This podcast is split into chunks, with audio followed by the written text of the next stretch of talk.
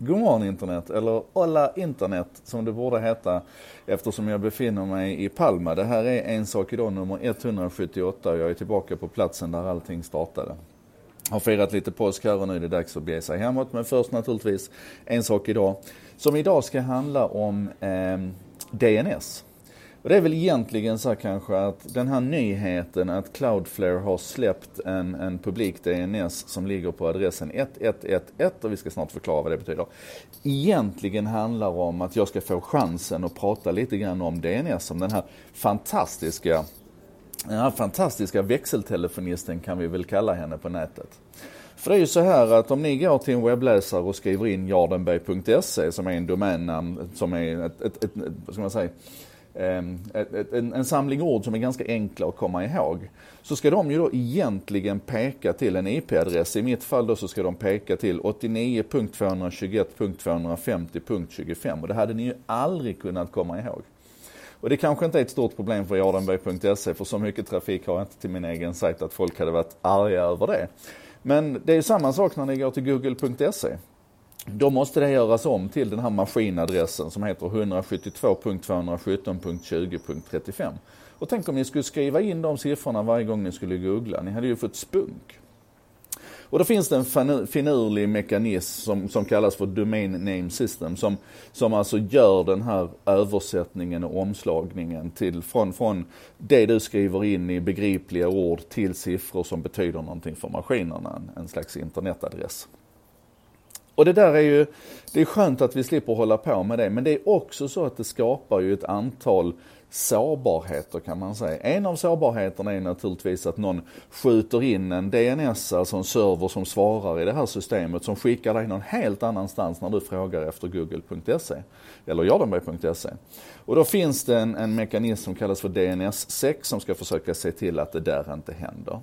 Det är också så naturligtvis att det här behöver gå snabbt för att om vi kommer ihåg när vi pratade om, om DN så tror jag det var någonstans runt 300 tredjepartsanrop som behövde göras varje gång du gick till dn.se. Och teoretiskt sett så kan ju vart och ett av de anropen behöva göra en DNS-uppslagning. Och om då varje DNS-uppslagning skulle ta en, en sekund så hade du behövt sitta där i 325 sekunder och vänta på att den där sidan skulle ladda klart.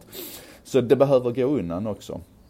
Och det tredje som kanske då är, är intressant att betrakta runt det här, det är, är, integritetsaspekten. För att varje gång du frågar en sån här domännamnsserver om var finns google.se någonstans, så blir den ju också medveten om att du har frågat efter google.se. Och det kanske inte är så konstigt att du frågar efter google.se, men det kan ju finnas andra domäner som är känsligare att du frågar efter. Och där man kanske inte vill att DNS ska kunna samla på sig den här informationen. Nu är just den här integritetsaspekten, den är förmodligen en del av hypen just runt det här med, med persondata och sånt. Eh, men hur som helst så har Cloudflare, ett företag som jobbar med distribuerade nätlösningar och som är, får man väl säga objektivt sett duktiga på det här. Det är klart att de också har haft sin beskärda dos av diskussioner runt om de är bra eller dåliga. Men min generella känsla är att Cloudflare, förutom att vara en kommersiell leverantör, försöker göra en del saker som är bra för internet överhuvudtaget. Och den första april smart datum att lansera saker. Fast som de säger själv, det gick ju bra för Gmail i alla fall. Men den första april så lanserade de en konsumenttjänst som helt enkelt går under benämningen 1111. För det är den adressen till deras DNS som man då kan skriva in. Och går man till, om du bara tar fram en webbläsare och skriver in 1.1.1, alltså fyra ettor, därav första i fjärde, första april, så fyra ettor. 1.1.1.1 fyra ettor. Om du skriver in den adressen så får du en instruktion på hur du kan byta DNS i din egen maskin. Oavsett om det är en iPhone eller en Android eller en Mac eller en PC eller en Playstation eller vad det är för någonting. Så får du reda på det hur du kan byta till deras DNS. Och då lovar de att de inte sparar några loggar, de sparar ingen information. De gör allt de kan för att den här trafiken ska vara så säker som möjligt, ni vet med DNS-sec och sådär. Plus att de ser ut att vara de absolut överlägset snabbaste DNS-leverantörerna där ute.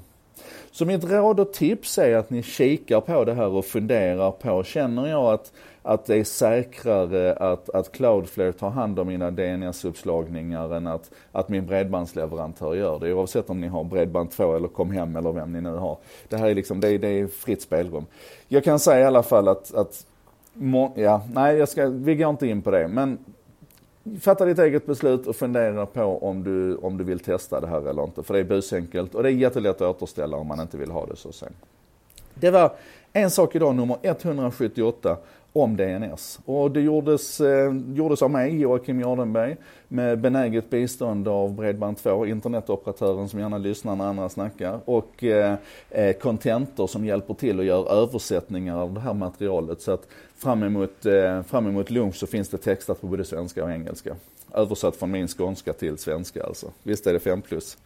Ehm, Klura nu på det här och så ses vi imorgon med en ny En sak idag.